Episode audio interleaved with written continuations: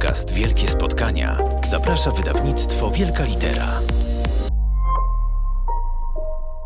Gościem Wielkiego Spotkania jest Paweł Kapusta, bardzo utalentowany dziennikarz i autor wielu reportaży, które zmieniają nasz świat i pokazują go z zupełnie innej strony.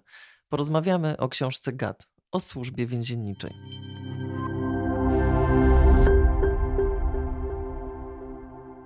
Paweł Kapusta jest gościem wielkiego spotkania wydawnictwa Wielka Litera. Wielkie spotkanie wielkiego człowieka i to dosłownie. Dzień dobry.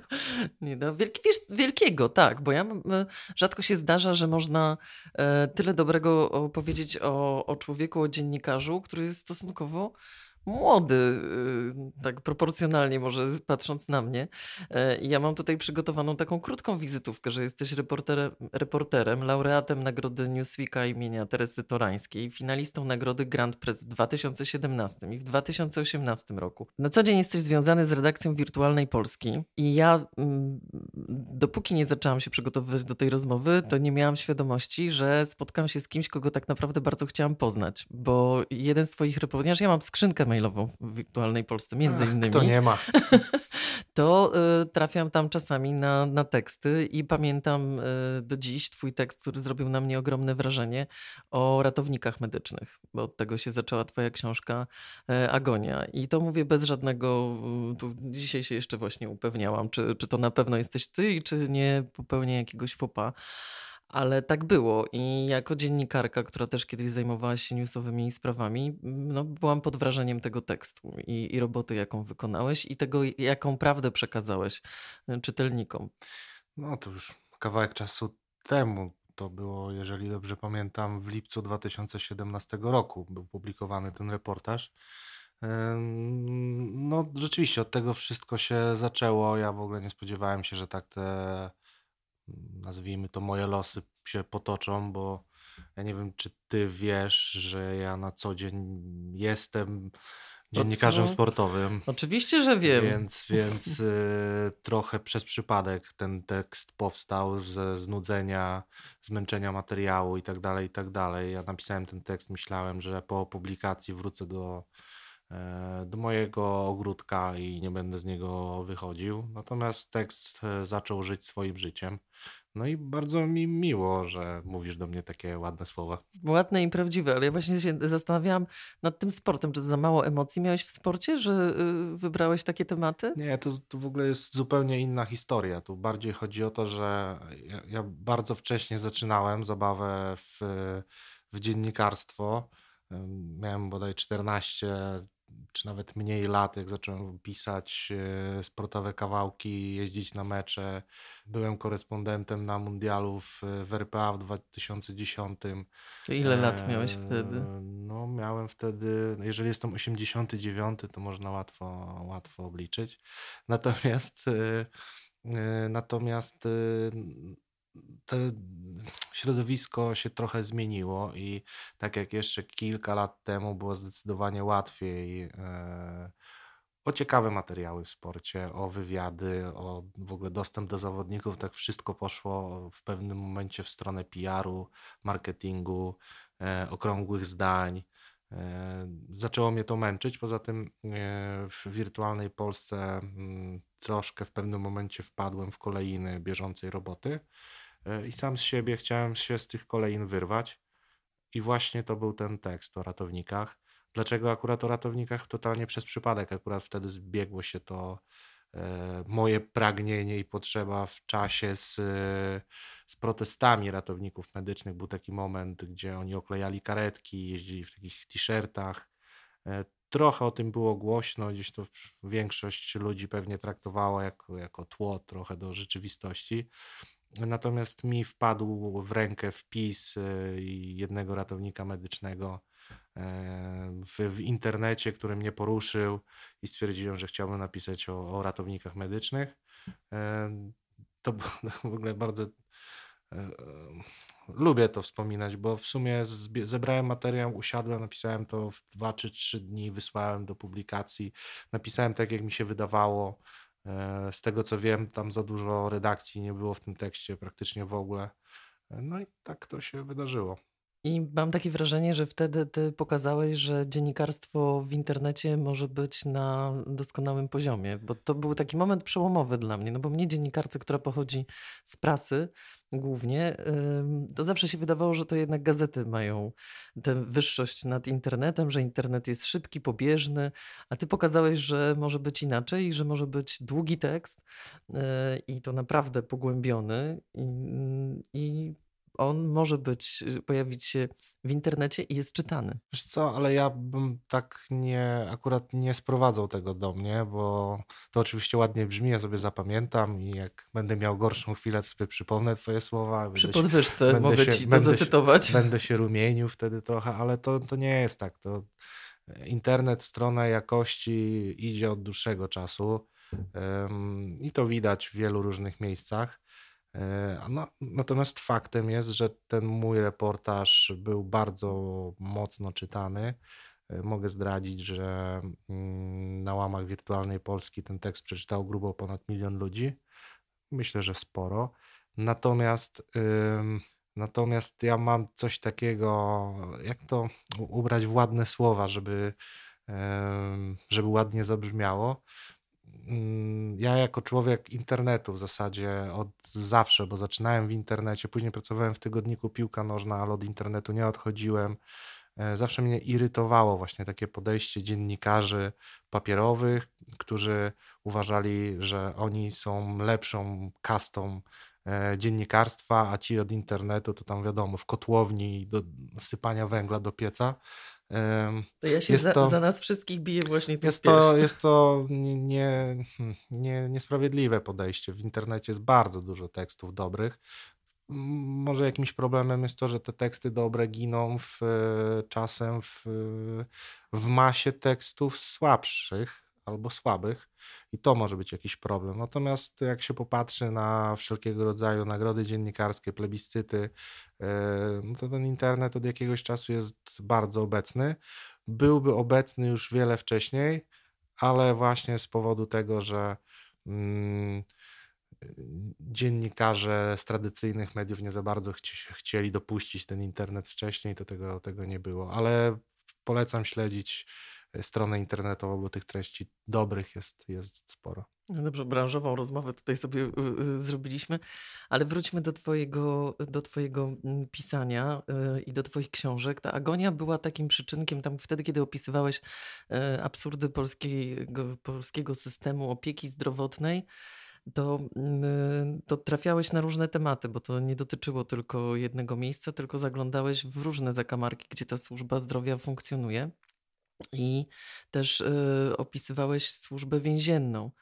Y, I to rozumiem było taką przyczynkiem do gada. Wtedy się y, zainspirowałeś tym, żeby napisać książkę o, o, więzi- o tym, co się dzieje w więzieniach? Troszkę szerszy obrazek nakreślę, bo mm, w momencie, kiedy odbierałem nagrodę Newsweeka Teresy Torańskiej, po tym fakcie odezwała się do mnie wielka litera z propozycją napisania reportażu o ratownikach medycznych. Ja jednak ten pomysł trochę zmodyfikowałem i zaproponowałem zbiór reportaży o system, absurdach w systemie ochrony zdrowia. Mm, I rzeczywiście dwa ostatnie teksty są takie mm, mocno na pograniczu, y, ale absolutnie się broniące, jeżeli chodzi o tematykę. A tematyka służby więziennej y, w moim życiu jest obecna no, w zasadzie od zawsze, bo nie, nie, siedziałem. Natomiast mój tata był strażnikiem więziennym przez prawie 20 lat, więc ten temat był mi bliski. Ja zdarzyło mi się bywać w, w zakładzie karnym mojego taty, odwiedzałem go. Czasem zdarzyło mi się nawet e, wieść dla niego w niedzielę obiad na rowerze, gdzie mnie wpuszczano za bramę i na wartownię i bywałem. Tak więc ja, no, no nie, jest to, nie był to dla mnie temat nowy, a wiedziałem, że temat jest szalenie interesujący. E, już pomijam sam fakt, że mm, użytkownicy, czy odbiorcy, czytelnicy przepadają E, za zaglądaniem przez dziurkę od klucza w, w miejsca niedostępne, a zakład karny, areszt śledczy i wszystko to, co z drugiej strony krat jest czymś takim e, tajemniczym. I mi mi ten klimat trochę tak odpowiada. Czuję, czuję ten klimat, fajnie mi się o tym pisze. Jest to bardzo ciekawe i, i, i wtedy już wiedziałem, że napiszę, że druga książka będzie o służbie więziennej. To jest niesamowite, bo ja sobie uświadomiłam, że jak byłam mała, to chodziłam do mamy do biura postukać na maszynie do pisania, a ty chodziłeś do taty za kratki. No rzeczywiście, tak, tak było i ja bym nie powiedział, że byłem... Oczywiście tata pracował prawie 20 lat w służbie więziennej w zakładzie karnym, e, więc, więc trochę czasu popracował. E, no ja pamiętam, jak już byłem nastolatkiem, też do niego, do niego jeździłem i było to dla mnie niesamowicie ciekawe. Nawet miałem przez chwilę takie myśli, czy nie pójdę w ślady, ślady ojca, ale nie poszedłem. Dlaczego? E, bo hmm, jednak miałem większe marzenie. Moim marzeniem hmm, od zawsze było zostanie dziennikarzem sportowym. W ogóle ja pochodzę z takiej niedużej miejscowości pod Zieloną Górą. Ta miejscowość nazywa się Nowogród Bobrzański. Co ciekawe, z tej samej miejscowości pochodzi Patryk Mirosławski, który aktualnie jest e, szefem redakcji Eleven Sports. Mm, to jest mój przyjaciel od przedszkola w zasadzie i sobie kiedyś postanowiliśmy, że zostaniemy dziennikarzami sportowymi. No i tak się to zadziało. No ja jestem teraz naczelnym sportu w wirtualnej Polsce, on jest e, naczelnym w Eleven. Fajna historia. Ogóle też wiele fajnych historii mieliśmy, gdzie jeździliśmy jako trzynastolatkowie czy czternastolatkowie na mecze do Berlina na ściemnianych akredytacjach. To, no fajnie, fajne historie do powspominania. I to była moja jednak e, mimo wszystko e, jakieś marzenie do zrealizowania. Ja sobie tak e, myślałem, że moim takim szczytem zawodowym to będzie E, pisanie w tygodniku Piłka Nożna. No szybko udało mi się zrealizować ten, to, to, to marzenie i gdzieś tam później dalej trzeba było dreptać, więc zakład karny to, e, to, to tylko w książce. Dobrze, tylko w książce i aż w książce, bo ty piszesz właśnie o tych ludziach, którzy są w więzieniu z własnego wyboru nie, nie za karę, ale trochę to jest, ta praca jest trochę jak kara z tego, co piszesz. To jest, to jest nie, znaczy nie czasami ktoś wstaje rano i mówi, jak mi się nie chce iść do mojej roboty. E, nie wyobrażam sobie, co bym czuła, gdybym nawet będąc, nie wiem, krzepkim mężczyzną, gdybym miała codziennie rano wstawać i myśleć o tym, że idę pracować z przestępcami. E, no i narażając swoje życie, e, często zdrowie i, no i psychikę, bo ty przede wszystkim opisujesz to, co się dzieje z psychiką ludzi, którzy pracują i z drobnymi przestępcami na co dzień, i z takimi naprawdę no już wynaturzonymi, można powiedzieć, albo chorymi psychicznie. Ja widziałem, mm, jak ta praca wpływa na mojego, czy wpływała na mojego tatę. Widziałem, jakie to jest obciążające psychicznie, jak, jak reagował, jak czasem no jak czasem nie trzymał ciśnienia w domu po tym, jak spotykały go bardzo trudne sytuacje e, w pracy, o których nie opowiadał. E, później po latach gdzieś tam sobie rozmawialiśmy, wspominał trochę, ale jestem przekonany, że na pewno nie wszystko. Więc no, rzeczywiście jest tak jak, tak, jak mówisz. Mm, ale co też ciekawe, wśród bohaterów mojej książki jest y, myślę, że większość e, osób, e, które tę robotę po prostu lubiły. No bo to są już osoby w większości na, na emeryturze, ale padają takie słowa, że oni się tam realizowali, że oni lubili swoją pracę i gdyby nie systemowe dziury, niezrozumienie przez przełożonych, którzy nie pracują w pierwszym kontakcie, jak to się mówi, być może pracowaliby dłużej, ale nie wytrzymywali właśnie tych procedur e, nieprzystających do, do codzienności i często przez to, przez to odchodzili. Natomiast praca jest niesamowicie trudna. E, przede wszystkim no, zwykły człowiek nie, nie jest w stanie sobie wyobrazić, na czym ta praca polega i z czym się, z czym się wiąże. Ja w książce opisuję wiele różnych e, historii, też nie chcę za bardzo zdradzać, bo być może ktoś nie czytał, więc nie chcę, nie chcę zabierać, e, zabierać tego, nazwijmy to fanu. Mm, ale tak, czasem zdarzają się sytuacje z zagrożeniem życia, e, z, z zagrożeniem zarażenia się jakąś chorobą zakaźną, E, no przeróżne historie.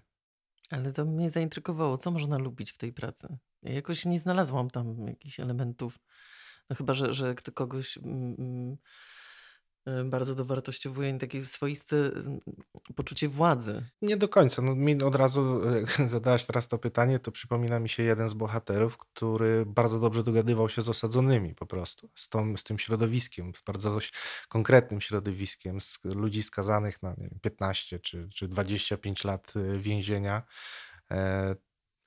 E, to nie jest łatwe zarządzić oddziałem, na którym siedzi 50 czy 70 e, osób skazanych na wiele, wiele lat więzienia, e, bez perspektywy wcześniejszego wyjścia za bardzo.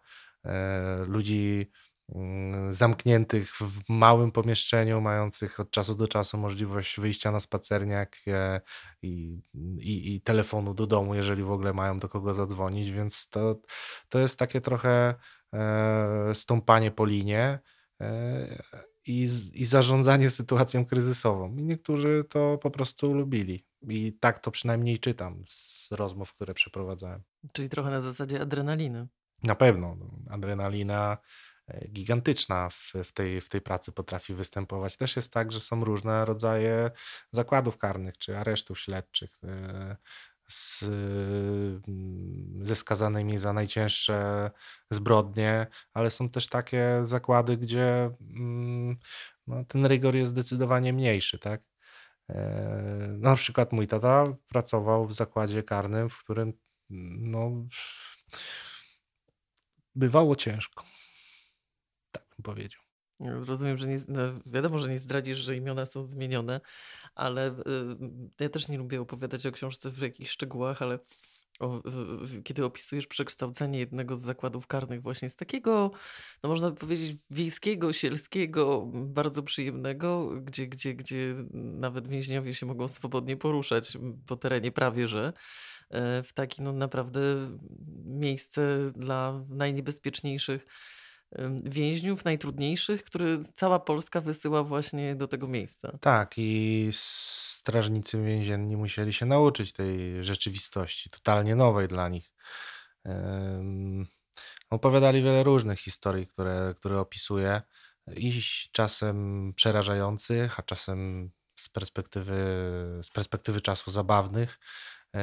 Natomiast y, obcowanie z, z ludźmi skazanymi za, za zabójstwo czy, czy za mm, zorganizowaną grupę przestępczą, e, to nie jest nic, nic prostego, nic łatwego. Tam problemów jest, e, jest ogrom. Do tego Trzeba pamiętać o, o rzeczy podstawowej, że w ogóle zakład karny jest instytucją totalną, która organizuje ci życie od, od przebudzenia do, do, do, do, do, do momentu zaśnięcia. Jesteś zamknięty pod celą. E, posiłki masz wydawane z, z, z, regularnością, nie masz na nie tak naprawdę aż tak wielkiego wpływu, bo oczywiście są różne diety. E, także mm, zamknęli cię w więzieniu 5 lat temu, masz jeszcze do odsiedzenia, nie wiem, dychę, e, przyjeżdża twoja kobieta i mówi, że no sorry, ale nie będę już na ciebie czekała, bo Krzysiek z podwójki się mną zaopiekował, więc ty tutaj sobie sieć, a ja sobie układam życie. No i ten człowiek wychodzi ze świetlicy, na którym było, e, było widzenie i, no i co on może zrobić? No nic nie jest w stanie zrobić, więc, e, więc wariuje rozwala cele i tak dalej, i tak dalej. Także jest to alternatywna rzeczywistość za murem. Ale też ci przestępcy, o których mówisz, potrafią sobie tam stworzyć, bo mówisz o przestępczości zorganizowanej, że ten dodatkowy y, problem to jest taki, że oni odtwarzają swoje struktury y, w tych więzieniach i, i, i znowu kierują y, tymi więźniami, tak jak swoimi ludźmi jeszcze na wolności. No, zdarzają się też sytuacje, że z więziennych murów kierują e, różnymi organizacjami na, na wolności. Tak, to nie jest nic niesamowitego. Zresztą też e, w książce jest kilka rozdziałów, które tytułuje Siedem grzechów głównych. E, wśród tych grzechów jest jakaś tam współpraca, nazwijmy to, strażników więziennych z osadzonymi. I przecież nie można powiedzieć, że to się nie dzieje. No przede wszystkim ja też chcę zaznaczyć, że ta książka nie jest mm, próbą nie wiem, wybielenia strażników więziennych, czy gdzieś tam słyszałem w, takim, w jakimś krytycznym komentarzu, że to taka hagiografia, trochę to absurd, no przecież to w ogóle nie... E, gdyby tak miało być, to bym nie, nie uwzględniał w historii o alkoholu, o, o właśnie tego typu historiach, o związkach. Także starałem się, żeby to było bardzo, bardzo szeroka opowieść. No, a wierzysz w resocjalizację? Czy ja wierzę w resocjalizację? Mm, gdy... No bo temu ma służyć więzienie. Człowiek idzie do więzienia, żeby odbyć karę, uświadomić sobie, że zrobił coś złego, spotkało go coś tak strasznego i żeby już więcej tego nie powtórzył. Mi się, pod, mi się podobała odpowiedź, bo ja dokładnie to samo pytanie zadałem dyrektorowi, no, byłemu już emerytowanemu, ale przez wiele, wiele, wiele lat był dyrektorem przeróżnych zakładów karnych. Ja zadałem to pytanie, czy ten pan wierzy w resocjalizację. No to on przypomniał taką historię, gdzie podczas jakiegoś sympozjum ksiądz właśnie, no, jakiś ksiądz też uczestniczył w dyskusji i dostał e, i wypowiedział takie zdanie, że on nie, nie, nie wierzy, nie wierzy w resocjalizację. A pan dyrektor odpowiadał, że to nie jest kwestia wiary, tylko kwestia wiedzy. Czy ja wierzę w resocjalizację? No z tych wszystkich e, historii, które słyszałem, które mi opowiadano, no bywa z tym absolutnie, absolutnie różnie. Bo trzeba wyjść od tego, że żeby człowiek e, wyszedł zresocjalizowany na wolność, to on musi się chcieć poddać procesowi resocjalizacji, bo jeżeli ty chcesz się zmienić, to masz przeróżne możliwości za murami.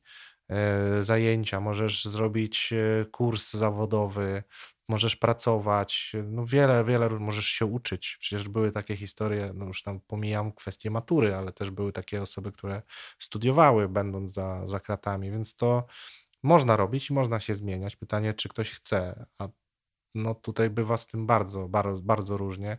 Statystyki wskazują, że e, procent ludzi, którzy trafiają po raz kolejny do, czyli na tak zwana recydywa jest bardzo wysoki w, w, w, polskich realiach. Także ta resocjalizacja myślę, że, że w Polsce nie działa. Ja kiedyś pytam o to dlatego, że ja, ja wierzę w resocjalizację, tylko wiem, że potrzebny jest do tego y, odpowiedni system i odpowiednia właśnie motywacja. E, I, że, I to musi być bardzo sprytne, bo kiedyś dawno temu obserwowałam w Stanach Zjednoczonych taki program dla e, ludzi, którzy mieli być skazani już po raz kolejny za przestępstwa narkotykowe. I no wiadomo było, że wtedy większy wyrok im y, groził. I y, proponowano im udział w takim projekcie, E, fundacyjno właśnie związanym, no jakaś tak no, organizacja to prowadziła, w którym e, mieli do wyboru, że jeśli właśnie zaczną się uczyć, resocjalizować i tak dalej, to zamiast dajmy na to pięciu lat, dostaną cztery. Wiadomo, że każdy więzień umie liczyć do pięciu, e, więc myśleli sobie, dobra, będę te cztery lata udawał, że się resocjalizuje. E, natomiast ten program był na tyle skuteczny, że oni chcąc, nie chcąc, w większości e, ulegali temu. I, i bo ktoś to tak, takie tam marchewki powiesił i taki, tak ich stymulował, że, że potem już ci więźniowie trochę tak jak, nie wiem, pewnie w Monarze, w innych tego typu organizacjach, że ci więźniowie, którzy już byli na dalszym etapie, już na przykład mogli wychodzić z więzienia, bo studiowali. Ja byłam w restauracji, w której wszyscy kelnerzy to byli właśnie, to były osoby z, no już z wielokrotnymi wyrokami, którzy już wychodzili na prostą. Jasne, no to, to wszystko prawda, natomiast problem jest bardzo, bardzo złożony. Pierwsza rzecz, która mi się nasuwa na myśl, to jest yy, chociażby to, że dla wielu osób, które są ponownie skazane i trafiają za, za więzienne mury, nie wiem, drugi, trzeci, czwarty raz, oni się bardzo często w więzieniu czują lepiej niż, niż na wolności, bo wychodzi na wolność, e, rodzina jest na niego e, wkurzona, bo on nie może znaleźć pracy, bo muszą na niego, muszą łożyć na jego utrzymanie. E, wszyscy się, wszyscy się od niego odsuwają. No to on woli, nie wiem, skroić sklep, wrócić do, do, do więzienia, czyli do, do domu. Tam ma podawane regularnie e, jedzenie trzy razy dziennie. Mm, może jeszcze nawet rodzina mu tam pod coś podeśle w paczce. No, opiekę zdrowotną ma y, pra praktycznie na wyciągnięcie ręki. Tak, no z tą opieką zdrowotną to bywa różnie. To akurat pisałem w, w, w agonii trochę na ten temat.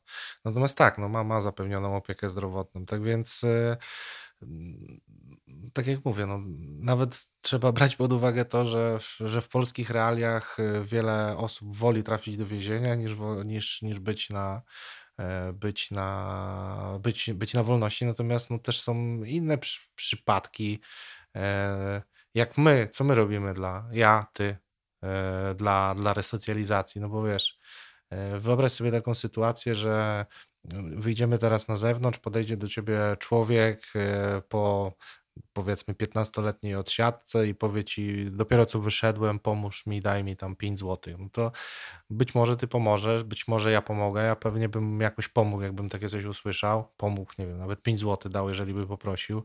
E, ale, ale zdecydowana większość by się odsunęła, no, wiesz, przestraszona. Natomiast... 5 zł to można dać, ale zatrudnić to już jest problem. I właśnie do tego też zmierzam, no bo 5 zł jest e, takim bardzo prozaicznym przykładem, ale e, przyjdzie do ciebie do zakładu i powie, że chce się zatrudnić, ale ma za sobą 20 lat czy 15 lat w więzieniu, no to czy jesteś na tyle dobry, że zatrudnisz y, byłego, byłego osadzonego? No być może tak, ale raczej nie. Y, więc ta osoba odbija się od drzwi do drzwi, no i, no i co? No i wraca do, wraca do domu. A już w ogóle sytuacja, w której siedzisz 20 czy 25 lat, zamknęli cię 25 lat temu, jesteś e, człowiekiem, który, który mieszkał w Warszawie, wychodzisz po 25 latach na wolność i no, spotykasz zupełnie inną rzeczywistość. Nie umiesz na drugą stronę ulicy przejść, bo jak cię zamykali, to, to były trzy drogi na krzyż i 10 samochodów, a teraz... I nie było telefonów komórkowych. Nie było telefonów komórkowych, nie wiesz. Ja nawet, jak to jest taki przykład, który mi się nasuwa na myśl, jak byłem w Gostyninie akurat, to trochę inna historia, ale e, przykład może być, spotkałem się z jednym z pacjentów, tak trzeba określać. I on wspomina wyjście na, na wolność po iluś tam latach, pojechał do rodzinnej miejscowości i nie potrafił skasować biletów w autobusie, bo zawsze było tak, że były te, wiadomo, te przegryzarki, a, a jemu ten bilet gdzieś wciągnęło, on nie wiedział za bardzo, co ma zrobić i to są, można się uśmiechać, ale to są tego typu historie. Także no, to, to, to jest bardzo złożony problem. A chcesz coś zmienić tą książką? Tak, chciałem zmienić. Chciałem zmienić świadomość trochę taką powszechną, bo ja, ja no nie ukrywam, że było we mnie trochę naiwności po pierwszym reportażu o ratownikach. Miałem coś takiego, że po tym jak opublikowałem raport, reportaż o ratownikach, to miałem nieprawdopodobny odzew. Ja nigdy wcześniej i w sumie nigdy później nie dostałem takiego odzewu po publikacji. Dostałem dziesiątki wiadomości w przeróżnych miejscach, na Facebooku, na, na maila. E, I tak sobie pomyślałem, że może coś zmieni ten tekst. Natomiast oczywiście dosyć szybko wróciłem na Ziemię z, z tej e, orbity okołoziemskiej. Mm, wiem o tym, że takie rzeczy dzieją się rzadko. No musi być jakiś interwencyjny tekst y, o, o, szczególnym przypadku, takim jednostkowym, żeby coś się zadziało. No to takie rzeczy się dzieją. Natomiast y, to był tekst o systemie, więc jeżeli przez 20 y, czy 25 lat system się, system ochrony zdrowia się nie zmienił, no to po jednym tekście jakiegoś tam gościa z internetu się, się nie zmieni. W przypadku książki o służbie więziennej, mi niesamowicie zależało na tym, żeby e, właśnie zmienić świadomość, sposób myślenia e, czytelnika o w ogóle o zawodzie strażnika więziennego, o tym, co to są za ludzie, bo zastanów się, jak się w ogóle myśli o strażniku więziennym w takim powszechnym wyobrażeniu. No masz taki obraz gościa z symetrii, masz obraz strażników ze, z skazani na Shawshank, E, no, jakby zdecydowana, no może zielona mila się trochę wyłamuje, ale no 99% przypadków to jest y, obraz negatywny po prostu. A ja miałem na co dzień y, obraz y, nie negatywny mojego ojca, który nie jest zamordystą i wiele innych brzydkich słów gdzieś tam pewnie ktoś by wypowiedział. Tak więc zależało mi na tym, żeby, żeby pokazać zupełnie drugą stronę, drugą stronę medalu. I w zasadzie zawsze tak podchodzę do, do tych tekstów e, niesportowych, jak czasem mi się zdarza coś napisać, że pokazuje zupełnie inną rzeczywistość, jakieś takie perspektywę, na którą nikt nie zwraca uwagi. Stąd też na przykład napisałem taki reportaż o maszynistach PKP, ale właśnie jak zgłosiłem temat maszyniści, to w redakcji było takie, ale co tam ciekawego może być? No okazało się, że tekst był w miarę ciekawy, bo pisałem to z perspektywy maszynistów, którzy mają śmiertelne przypadki na swoim koncie. Też go pamiętam. Miło mi. Także yy, też zupełnie inna perspektywa, pokazanie zupełnie innego, nie wiem, sposobu myślenia o niby prostym zawodzie. I to mi przyświeca. Takie po prostu pokazywanie, pokazywanie jakiejś rzeczywistości, która przez dziurkę odklucza. A tata był zadowolony z książki? Tata był dumny, yy, choćby też z tego powodu, że książka jest mu zadedykowana. Oczywiście był recenzentem tej książki pierwszym, zanim w ogóle została ona wysłana do druku i do, w ogóle do wydawnictwa.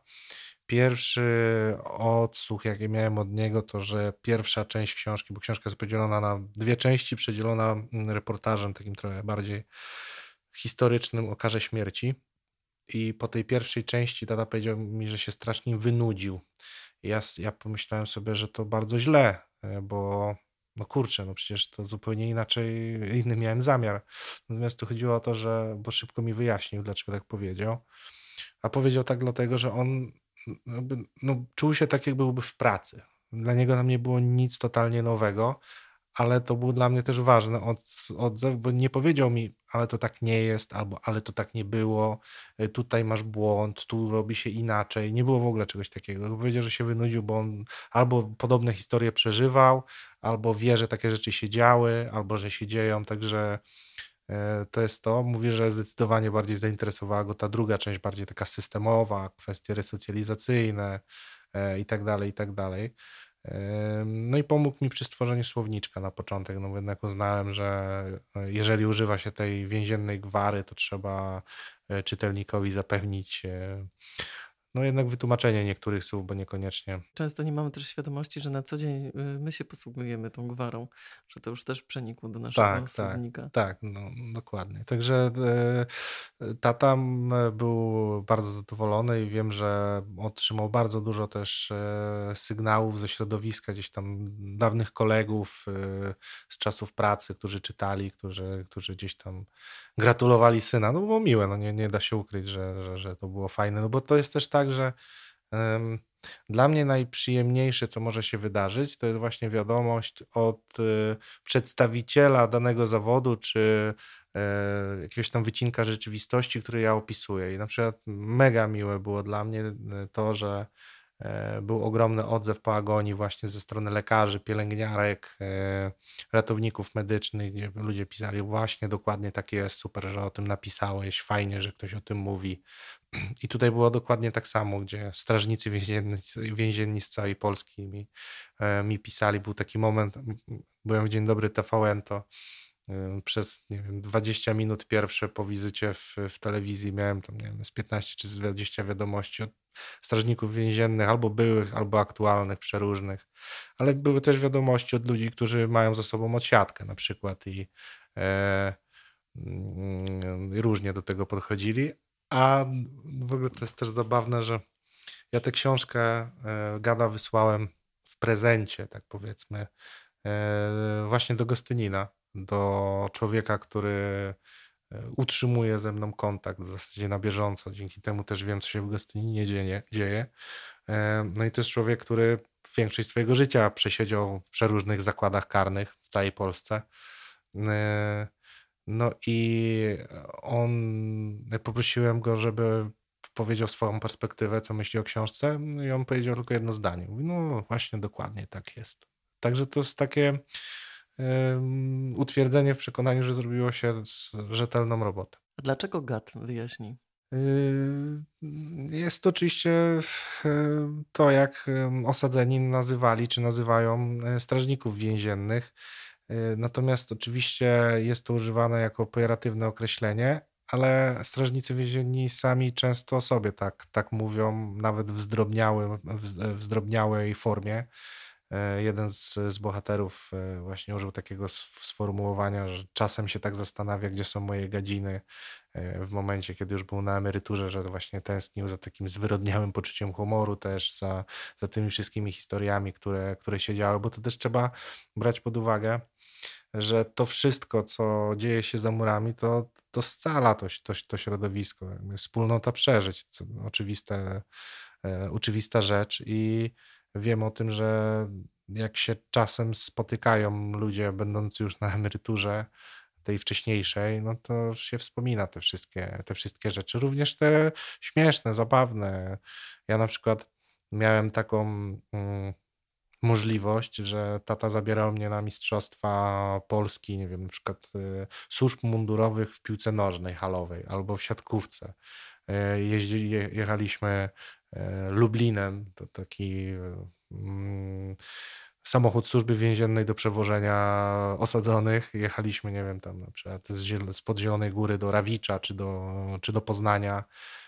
Byłem tam z całą ekipą, widziałem jak E, jak się bawią, jak, e, jak e, no, po prostu są paczką kumpli i to, to mi gdzieś tam też imponowało właśnie wtedy, sobie myślałem, że może pójdę tą samą ścieżką, wiadomo, młodzieńcze, młodzieńcza fantazja, która mi szybko przeszła.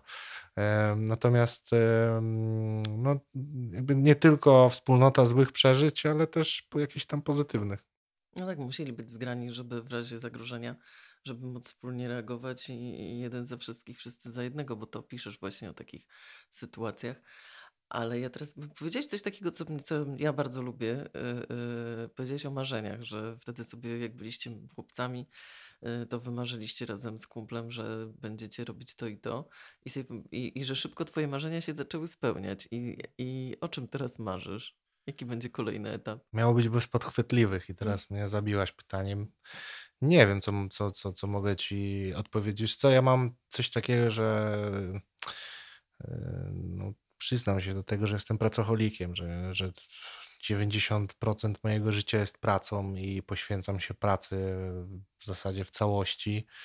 Mm, teraz robimy fajne rzeczy w wirtualnej Polsce i w sporcie. Mamy super rok przed sobą, gdzie najprawdopodobniej odbędą się Mistrzostwa Europy, Igrzyska. Musimy to wszystko zaplanować logistycznie, obsłużyć. Mamy mega ambitne plany, takie na, na mega ambitne materiały i to chciałbym, żeby super wypaliło. Dodatkowo od początku tego roku mam nową rolę w Wirtualnej Polsce. Jestem wicenaczelnym całej Wirtualnej Polski i jestem odpowiedzialny właśnie za coś, co jest mi bliskie, czyli za, nazywa się to treści premium. E, więc e, całe ostatnich kilka tygodni e, byłem w, w procesie budowania zespołu, robienia transferów. Mega mi to sprawiało ogromną przyjemność i przed nami myślę, mega czas taki dziennikarski, gdzie, gdzie będę miał przyjemność zarządzania super zespołem. Ściągamy Szymona Jadczaka, Patryka Słowika. E, chłopaki się mega zapatrują na, na możliwość y, współpracy ze sobą. Ja, ja z nimi w ogóle mega, mega, mega rzeczy i myślę, że zrobimy wiele super rzeczy. Dobrze, dziękuję Ci bardzo dziękuję. i czekam na następne reportaże, że pomimo tego, że masz tak ważną funkcję i rolę, jeśli chodzi o sport, to że jednak będziesz dostarczał tego innego też spojrzenia na, na, na życie i na, na, na ludzi, którzy wokół nas chodzą, a których możemy dzięki Tobie postrzegać zupełnie inaczej. Oby tak było. Dziękuję. Podcast Wielkie Spotkania znajdziecie na naszej stronie wielkalitera.pl, Spotify, Google Podcast i Apple Podcast.